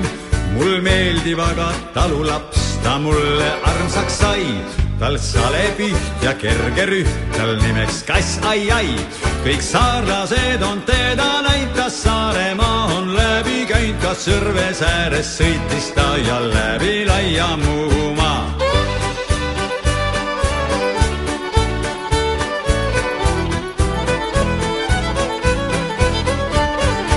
raskeid päevi näinud ta, nii palju raskeid öid. seal radinaga sõitis ta, kus teised kinni jäid. et stuude tubli Ford on hea, nii kõikidele näis. kuid minu väike kass, ai-ai, Berliinis ära käis. kõik saarlased on teda näinud, ta Saaremaa on läbi käinud, ka Sõrves ääres sõitis ta ja läbi laia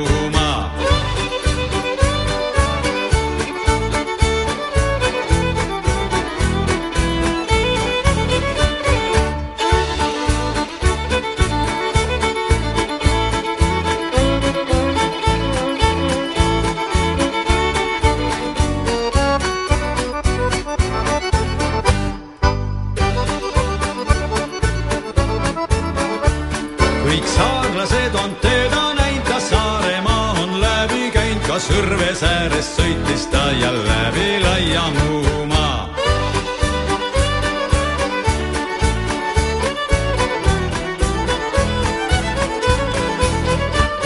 veel kaugel kostis kanonaad, maad kündsid kahurid. ei minu sõber rahu saanud, veel sõitis sõjateid, kes sõjast pöördus tagasi, autasustatud sai. Ei meenutanud keegi vaid mu sõpra kass ai-ai, kõik saarlased on teda näinud, ta Saaremaa on läbi käinud, ka Sõrves ääres sõitis ta ja läbi laia Muhumaa. naised ei jäta.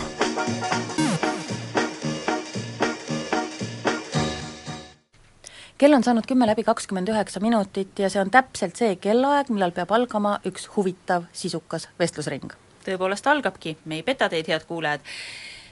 juttu ajame loomulikult õpetajatega ja kui me saadet alustasime, saatetundi alustasime sõiduõpetajaga, siis nüüd jätkame juba klassis õpetavate daamidega, meil on külas Anu ja Ester, tere hommikust! Tere hommikust! no tagantjärele õnnitlused õpetajate päeva puhul. aitäh! ja Anule veel eraldi õnnitlused, Anu, sa oled Tallinna aasta õpetaja. just nii. no on rõõm suur, on ju? on ikka, jah Teil on see tore lugu, rääkige kõigepealt see ära, et tegelikult meil on stuudios küll kaks õpetajat, aga meil on stuudios ka õpetaja ja tema õpilane. täpselt nii, et kas sa tahad alustada äkki, kuidas see lugu jah, sündis? kuidas tuli sinu klassi väike Ester? Ester, kui tuli minu klassi, ma olin tema klassijuhataja ja üsna varsti ma soovitasingi temale hakata mõtlema õpetaja elukutse peale. gümnaasiumi ajal oli see ikka juba päris kindel, et ikka nägin ära, et siit on tulemas üks vahva ja tore õpetaja. no mida sa siis Estri puhul nägid, mis asjad need on, mis sa võid juba kuuendas klassis öelda, et tal on head õpetaja omadused? Ester oli selline pühenduja, keskenduja, hästi tähelepanelik kuulaja, ta oskas inimesi mm, lahti muukida äh, oma sellisel vaiksel ja pühendunul moel ja muidugi ta oli ka väga usin õpilane. okei. miks sind naerma ajab? Seepärast, et ma ei olnud väga usin õpilane et äh, see oli natuke liialdatud. ei no mulle meeldisid need kirjandid hästi mm -hmm. põhjalikud, emakeeleõpetajana ikkagi vaatasingi oma ainepõhiselt. no see oli ka ainuke asi, mis mulle tegelikult väga meeldis koolis mm, -hmm. et, et selles mõttes, et aga, aga kas Anu oli sul üks selliseks eeskujuks, miks sa õpetajaks hakkasid? ja kahtlemata, et sellepärast me olemegi praegu sellises olukorras siin, et, et, et tema inspireeris mind ja, ja tema muutis tegelikult sellega minu elu täiesti, absoluutselt et ma ei tea, kus ma oleksin ja mida ma teeksin, kui Anu ei oleks olnud minu klassijuhataja. tõsi küll, sa võtsid teise eriala? ei, ei, tegelikult ma võtsin sellesama eriala, mul on lihtsalt saksa keel on lisaerialaks juures. et sa annad saksa keelt, aga ka eesti keelt ja kirjandust või praegu kirjandust natuke annan ka, jah. no loomulikult sa õppisid ju Tallinna Saksa Gümnaasiumis no, ja sinu saksa keele põhi ja et see on väga hea näide selle kohta, kuidas üks pisikene nüanss sinu elust võib muuta tegelikult äh, terve edaspidise saatuse Eestis õpib väga palju inimesi õpetajaks, meil oli vanasti ka üks ülikool lausa pedagoogilise ülikooli pealkirjaga, mis ja. tähendab ju, et seal õpetatakse õpetajaid, sellegipoolest oleme me ju kursis, et väga-väga vähesed noored inimesed lähevad kooli õpetajaks, kiputakse ikka valima mingi muu eriala, et ah, lähen õpin õpetajaks, aga siis hakkan müügijuhiks või no või õpid paar, või paar aastat õpetad ka ja siis lähed müügijuhiks. miks see nii on?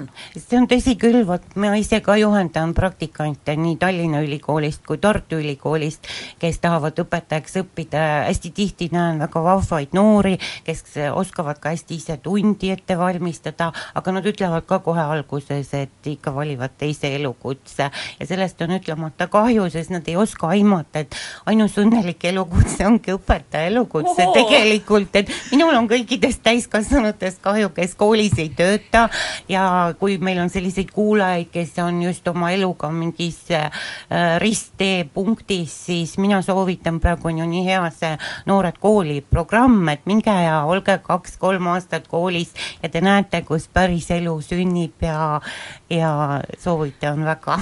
Ma läheks hulluks, vabandage väga, kui minule antakse kolmkümmend teismelist, kellele ma pean programmi järele midagi õpetama, olgu need integraalid või, või bioloogia või rääkima sütitavalt Shakespeare'ist, siis ma ju ilmselgelt näen, et nad ei taha seda kuulata, nad tahaksid olla kusagil mujal, tegeleda millegi muuga, kuidas see võimalik on?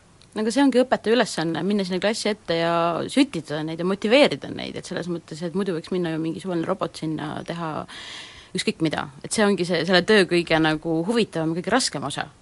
Mida te teete? no muidugi kõige tähtsam on ikkagi õpetaja puhul oma aine fänn olemine, et kui õpetaja ise on oma aine andunud fänn, siis küll see kandub klassiruumis ka õpilastele edasi, et kui õpetaja on vaimustuses oma ainest, ükskõik mis see siis on, küll õpilane hakkab ka vaatama, et pagan võtaks, äkki see ongi huvitav, kui õpetaja on ise nii vaimustuses, plaksutab käsi, ükskõik, olgu see astmevaheldus või olgu see integraalmatemaatikas, aga see sütitab õudselt palju on ju räägitud sellest, et õpilastel ei, või õpetajatel ei ole enam võimalus oma laps, noh, neid lapsi millegagi noh, ma ei tea, dresseerida või et, et midagi teha ei tohi, kogu aeg on võimalik saada mingisugune süüdistus, olete te sellega nõus, et need mõjutusvahendid on ära võetud, et ennast maksma panna väga raske? jah, sellepärast väga tihti on, tänapäeval käsitletakse seda koolis õpilase-õpetaja suhet justkui kui klienditeenindust. jah, karjud lapse peale, siis olid YouTube'is üleval ja kõik veel ütlevad, näe, mis on. lapse peale karjuda ei tohi, on üks väga lihtne tõde minu meelest, mis toimib igal, igal elu, igas eluvaldkonnas, et ära tee teisele seda, mis sa ei taha, et sulle tehakse. ega meile ka ei meeldi, kui meie peale karjutakse ja kaasaegse kasvatusteooria järgi laps on täpselt samasugune nagu täiskasvanu väikene inimene ja karjumisega küll midagi ei saavuta. ja mingeid repressiivvahendeid mm,, ma ei tea, kas neid ongi nii väga vaja, et õpetaja ülesanne on olla sõber, tark sõber ja nii nagu taim ei kasva ilma päikeseta, nii ei kasva laps ilma kiituseta. Ja kui laps saab koolis sellise positiivse elamuse, teda kiidetakse, tema väikesi edusamme märgatakse või, või isegi kui laps saab halva hinde, siis on väga suur vahe selles, kas õpetaja vaatab tema peale kurja pilguga, ütleb, et sa said juba seitsmenda kahe minu aines või vastupidi, ütleb õpetaja, et ma olen nii kurb, et sa jälle ebaõnnestusid, proovime uuesti. Ja see toimib, eks Ester? jaa, täiesti, et üks asi ka, mis ma tahtsin öelda, on see, et, et vana tõde, et valjuhäälsetel õpetajatel on ka väga valjud äh, lapsed, ehk siis mm. sa pead nagu hästi jälgima seda ja mina nagu arvan ka seda, et õpetajad, kes peavad ennast nagu äh, sellise kohustusliku autoriteediga kehtestama, et nad on tegelikult nõrgad õpetajad. sa, sa saad sellesama tulemuse hoopis teiste vahenditega klassis saavutatud. samas, kui sa alustad oma õpetajakarjääri noh, a la kahekümne kahe, kahekümne viie aastaselt, no sul ei ole ju neid oskusi, sul ei ole neid teadmisi, kuidas teie alustasite, kuidas te hakkasite ennast kehtestama nii, et te ei hakanud präuskama? Üle kolmekümne aasta tagasi, kui mina oma armsas Saksa gümnaasiumis alustasin oma õpetajakarjääri, siis ma olin tõeliselt nõmme õpetaja. mu õpilased olid natukene nooremad kui mina ja ma mäletan selgelt, kuidas ma peegli ees kodus harjutasin, kuidas teha hästi üleolevat nägu ja, ja olla selline hästi, ma olen muide hiljem nende käest vabandust selle eest palunud, aga õnneks nemad ei märganud midagi. Neile ikka meeldis noor õpetaja ja ei olnud nagu ja nad on mulle andestanud, aga endal on häbi, et küll aastatega on tulnud see kogemus, et õpetaja on lastega alati samas paadis, aga õpetaja targa juhina siis suunab seda paati õigetele voogudele Ester, milline noor õpetaja sina olid, sul on staaži natukene vähem? natuke vähem, umbes kümme aastat sai nüüd täis, et äh, mina alustasin äh, Viimsi koolis ja ma ei mäleta, et mul oleks nagu hullult raske olnud, selles mõttes, et mina, meil oli ka vanusevahe oli väga väike, neli aastat umbes, aga ma ei mäleta, et ma oleks mingi pidanud hullult kehtestama ennast, äh, paar konflikti seal tekkis tütarlastega just nimelt selle pinnalt, et, noh, võib-olla me ei mõistnud nagu teineteist äh, piisavalt hästi, et, et üks asi, mis mind saadab sageli, on see, et kui sa oled nagu liiga chill õpetaja, siis õpilased nagu hakkavad seda ära kasutama mm -hmm. ja mõtlevad, et Nii. siis sa oledki kogu aeg chill ja ei saa nagu aru, et tegelikult sa oled ka nõudlik ja nagu korrektne õpetaja, et selles mõttes sellised nagu mm, erimeelsused on sinna sisse kirjutatud, aga need on lahendatavad kui Anu rääkis sellest, et, ta palub oma õpilastelt vabandust, et ta oli nõme õpetaja, siis minul on hinge peal, mina olin väga nõme õpilane. Sest et ma mäletan, et kui meil tuli vene keeles uus praktikant, siis me panime ta klassi luku taha ja see noor tüdruk hakkas lausa nutma ja me neljanda klassi rüblikutena isegi nagu nautisime seda olukorda, siinkohal palume vabandust, aga õpilased ju panevad õpetajaid proovile, see ju vastab tõele. et testitakse, kuidas te, kuidas te sellele vastu peate? äkki ei pane või? Mina küll ei mäleta tõesti mingit väga suurt mm. proovile panekut no võib-olla siis et ma oleks pisaraid valanud või ei. Teid ei panda, aga võib-olla mõnda teist tüüpi õpetajat. ma ikka mäletan, et meil ka ikka selle kuidagi õpilased jagasid õhust ära, kui tegemist oli sellise õpetajaga, kes ei osanud ennast maksma panna.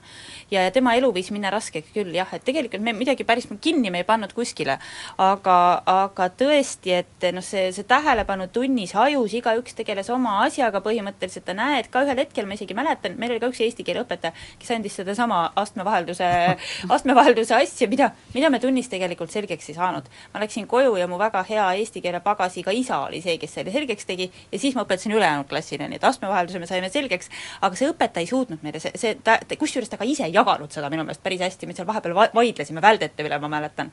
et me jagasime ära selle, et noh, et ta ei ole väga tugev õpetaja ja, ja siis, ja, ja siis kuidagi oli see rong läinud. et kas võib olla nii, et noh, et, et pannakse õpetaja ikkagi proovile?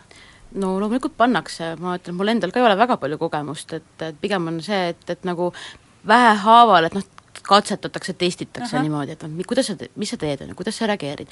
ja siis ongi tegelikult igas sekundis on see kinni, et noh, et sa ei saagi nagu seda tagasi võtta enam seda oma eelmist reaktsiooni. ja kui kaugele sa siis lased lapsed oma nende katsetamistega, eks et ole. sina töötad pidevalt otse-eetris nii-öelda?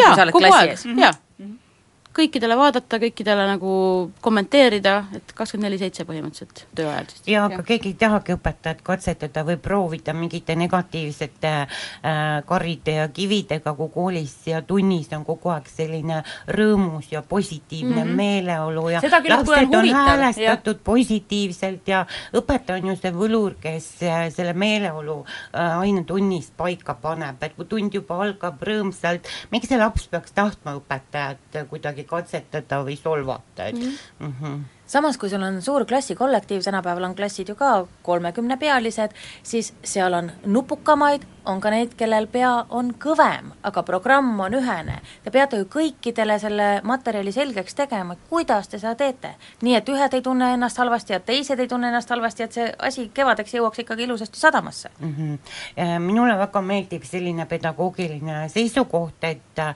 keskenduda tuleb sellele, mis on, mitte sellele, mida ei ole. ja igas lapses midagi on ja õpetaja on see võlur, kes peaks selle esile manama.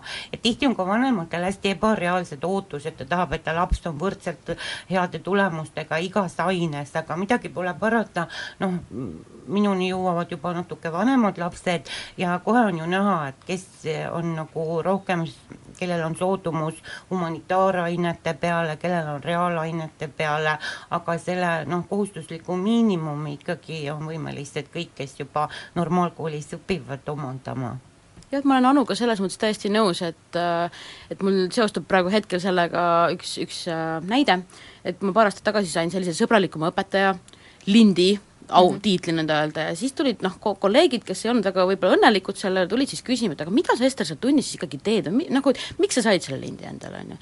no ma ütlesin neile vastuseks, et võib-olla on minu saladus siis see, et ma võtan igat õpilast täpselt sellisena, nagu ta on.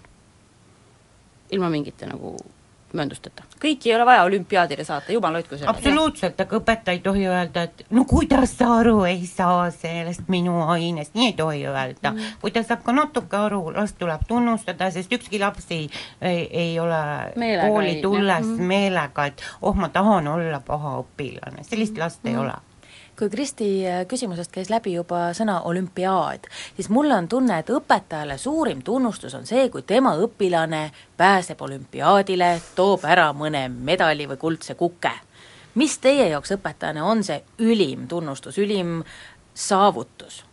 minu jaoks on ülim saavutus absoluutselt, see sünnib igas ainetunnis ja mul äh, võtsin üles selle nipi Soomest, kus on maailma kõige õnnelikumad koolilapsed, kus äh, soovitati õpetajal jälgida, missuguse näoga lapsed lähevad ainetunnist välja. Ja et kui nad on reipad, nad on rõõmsad, neil on lõbus olnud ja on selline kaval nipp, et ähm, õppetöö sujub siis paremini, kui ühes ainetunnis. Vähemalt korra on põhjust õpilastel laginal naerda ja seda saab teha absoluutselt igas õppeaines.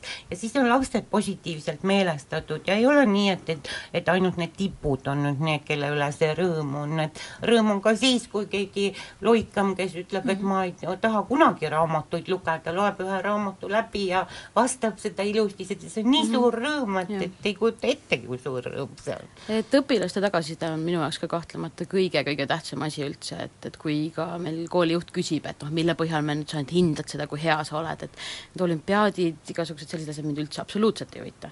Et just nimelt see sünergia, mis tekib seal tunnis ja, ja pärast tunde, kui nad tulevad pärast kooli, istuvad sul klassis, arutavad mingeid maailma asju äh,, kirjutavad sulle, kui neil mingi mure on, et noh, see on kõige suurem tunnustus üldse nagu mina olen seda meelt, et tegelikult äh, noh, kui räägitakse, et õpilased on muutunud, jah, aeg on muutunud, aga ma olen ka nõus sellega, mis te ütlesite, et tegelikult see põhiolemus inimesel on ikka see, ma tahan saada tunnustust mm, -hmm. ma tahan saada heaks kiidetud, keegi ei lähe selle peale välja, et olla vastik ja meelega. aga nende uuendustega tuleks siiski kursis olla, sellepärast et see on keel, millega, milles noored praegu räägivad, no kui altid te olete kasutama igasuguseid uudseid tehnoloogilisi võimalusi et tundi anda, et teha seda Shakespeare'i huvitavamaks. Hashtag ida. Hashtagis või jah, just. no õnneks on äh, meile abimehed, meil on olemas elektroonilised õpikud, praegu on jälle katsetusel neljaks kuuks tasuta koolidel ja aga ma olen kas, no õpetaja peab olema kursis kaasaegse metoodikaga ja kõige sellega, aga ma olen ka natuke seda meelt, et ähm, et me ei saa kooli päris tehnologiseerida mm, -hmm. et ikkagi peab jääma see käega kirjutamise oskus, et see ei tohi kuidagi ähm, unarusse jääda ja Jah. kuna lapsed põhiliselt lõbistavad arvutiklahve, siis emakeeleõpetajana mina küll valutan südant, et kuhu see käega Mhm. kirjutamise oskus jääb ja hästi palju ma lasen lastel ise käsitsi kirjutada, et küll mul oleks ka lihtsam jagada trükitud lehed, et pange siia nüüd komad või punktid, aga ei, me kirjutame neid lauseid ise, sest teatavasti, kui me käega harrastame peenmotoor-, motoorikat, siis ka meie aju areneb ja me oleme üldse võimekamad ja tulevikus oskame oma inimsuhteid paremini analüüsida, et kõik see on seotud?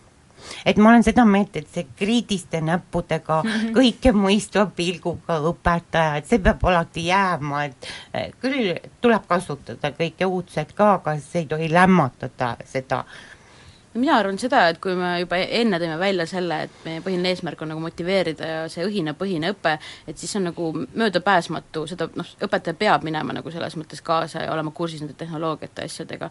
et näiteks miks mina tegin endale Facebooki, tegin siis, kui ma sain oma esimese klassi, et mul oli vaja nendega suhelda, eks ole, et, et noh, meile nad ei loe, loevad Facebooki chatte, kohe hästi optimaalselt saad kiiresti edastada selle. mul on lisaks muidugi ka see boonus, et mul on äh, teismeline tütar kodus, kes mind harib, et äh, mitu hashtag'i näiteks tohib Instagramis panna ühe pildi alla, et oleks cool, aga mitte nõme. ja kõik sellised asjad, see on väga vajalik informatsioon kusjuures. jah. aeg on paraku ümber, aitäh Ester ja Anu ja kõikidele õpetajatele, meie enda õpetajatele, aga kõikidele, kõikidele õpetajatele soovime palju jõudu selles tänuväärses ja toredas töös. aitäh! aitäh!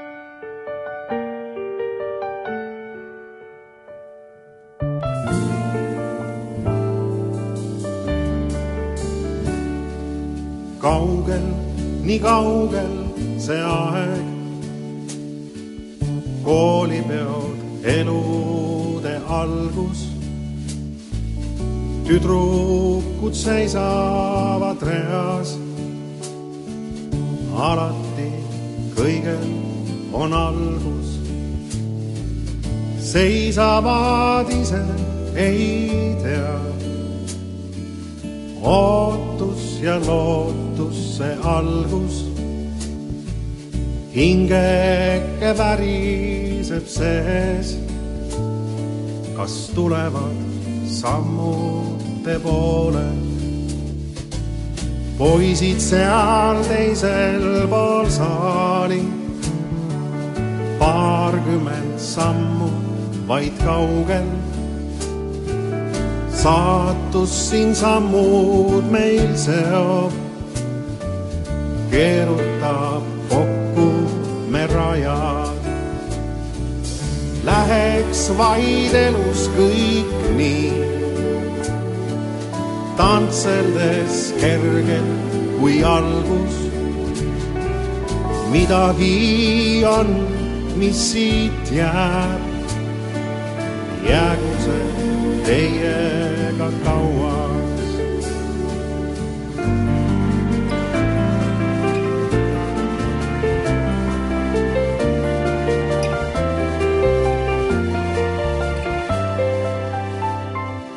Koolipeo tuledes saal. miks küll nii pagana palge üle saali pikk tee. tuledes äras on minna, minema aga ma pean otsima endale õnne. teisel pool tüdrukud reas ootavad kellegi samme sireli õitesest õnn. pudeneb kevad saab läbi. kooli pealt algas see kõik. Sina jääd alati alles. sireni õitesest õnn pudeneb kevad saab läbi. kooli pealt algas see kõik. sina jääd alati alles. sina jääd alati alles.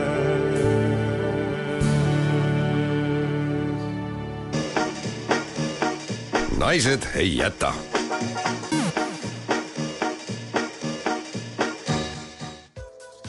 naised ei jäta saade hakkab läbi saama ja, ja viimane aeg saata veel inimesi kohtadesse. viimast korda saadamegi, sellepärast et järgmises saates, viime, viiekümnendas ja viimases saates on meil pidulik kontsertaktus. ja kontsertaktusel ei saadeta kohtadesse? ei, pärast seda me lähme ise kohtadesse kohtadesse, jah. aga saadame siis no,. saadame. kõigepealt äh, sel nädalavahetusel tähistatakse ülemaailmselt tüdrukute jäähoki nädalalõppu, me rääkisime Katrin Talvakuga jäähokist eelmises tunnis ja öö, kõik jäähokihuvilised lapsed ja nende vanemad on oodatud kella kaheteistkümneks, jõuate veel Tondiraba jäähalli, võivad minna nii poisid kui tüdrukud sellisele toredale jäähokipäevale, jäähoki on kõigi jaoks, kui on kodus olemas mingit varustust, näiteks kiiver või näiteks uisud, võib need kaasa võtta, aga kui pole, saab koha pealt ka. Samas kell seitse õhtul algab Jõhvi kontserdimajas üleriigiline aasta õpetaja auhinna gala, Eestimaa õpib ja tänab ja, ja sellest tehakse ka teleülekanne, kes ise kohale ei saa minna ja meie tahame ka siinkohal kummardada, tänada kõiki õpetajaid, kellel on vaprust, südikust ja säravat silma, et laste ees klassi ees seista. no minu meelest peaksidki õpetajad olema, nagu oli meie vestlusringis just Anu, kes lihtsalt leiab, et see ongi maailma kõige parem töö. ja, ja nii on inimene õnnelik ja lapsed õnnelikud ja mida paremat tahta. ja jumal tänatud, et meil sellised õpetajad on. ja siis on ka laadivaheldus väga seksikas. laadivaheldus on siis väga seksikas, jaa mis veel täna, nojah, Stroomi randa võib minna, seal toimub suur sügislaat. minu meelest on veidi tuuline see ilmake, et ja, randa minna. ja sellega niimoodi tõmmataksegi kokku suvehooaja üritused, nii et ilm on igati seda ja, ja, ja muide, kohal on ka äh, selline sügisandjad saab soetada ja loomade näitus toimub. loomade näitus? jaa, jaa mingisugused äh, taluloomad on seal väljas. jaa, ja taluloomad on väljas ka Viru keskuse ees, kus on meie lemmik, Toiduliidu lehm, kelle kelle saatust käe, me oleme jälginud ikka, kui ta hakkas Narvast tulema. jah, jah, siis ja me ikka iga nädalavahetus vaatasime, et kus lehm nüüd on. kus on lehm, ta vahepeal peatus Rakveres ja, ja, ja nüüd ta on jõudnud Tallinnasse, nii et meie Kristiga ka nüüd tormame kohe lehmaga selfit tegema, sest just, et just. loomaga selfie on, on see kõige parem selfie, meil on ka endlikepp kaasas. muide, aga huvitav, kui, kui lehmal see tuur läbi saab, kas me saaksime ta endale, kui me küsime Toiduliidust Sirje Potissepa käest ilusti? laename või lapsendame? lapsendame selle lehma, just. kui ilus mõte. eks ju ma mõtlen kohe, issand, mul hakkas kõik pilt hakkas jooksma, kuidas me ostame rongi, me võtame selle lehma, lehma., me paneme ta rongi peale ja siis me sõidame ja siis me laulame jah, see on tõesti hea plaan. nii et ei, teate mis, ega ei maksagi arvata, et kui me eetrist kaome, meie tegevused lõpevad. ei, ei naised ei jäta. naised ei jäta seda saadet tegemata nii või naa. me katsetame Morses, mis tähendab seda, et muide, minge palun ikkagi meie Facebooki lehele, seal on üleval Morse ülesanne. Morse ülesanne, mis ei ole üks pidev piip ja tuut, nagu on arvanud meie kuulaja Kai. ei, ei, ei, seal on sisukas sõnum ja kui, kui keegi seda läbi ei hammusta, siis me anname selle ülesande inspektor Morsele pureda jah, liituge meie lehega, sest sealt saate ka teada, kuidas meid edaspidi kuulata saab, vihjeks neile, kes ikka väga kurvad on. me ootame ka õnnitlusi, et me oleme saanud sinna õnnitluste rubriiki nüüd mitu kurba kirja, mille üle noh, meil on ka muidugi hea meel, sest see näitab, et meie saade läks korda inimestele. aga samas me tahaksime sinna salmikusse saada ka paar luulerida ja. või sellist pidulikku tervitust, mida siis meie aktusel esitada. et kui on ilusad tervitused, me kavatseme need oma järgmises kontsertaktusel ette lugeda. just nimelt, seda me teemegi nii, aeg see saade kokku tõmmata ja tuletame siis meelde veel järgmisel laupäeval kell üheksa saade Naised ei jäta eetris, tõsi küll, pisut teisel ja pisut pidulikumal kujul, aga sealt edasi juba teistmoodi. ma ainult ohkan. Äh, noh, jah, nohkan. oh, kohe palju parem hakkas. huvitav, kuidas see morses on paus kannab ja morses on see paus. aitäh kuulamast ja kohtume järgmisel nädalavahetusel.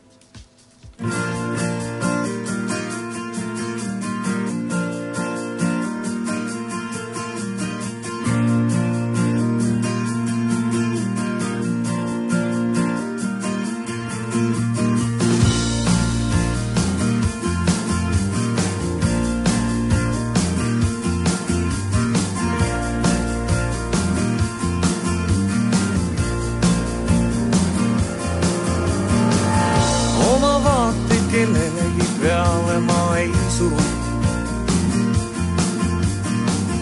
laulud värkavad hingest nagu mullast muru. jah, oma vaateid kellelegi peale ma ei suru. laulud värkavad mu hingest nagu mullast muru. asju, milles eksida on asju, milles eksida ei saa.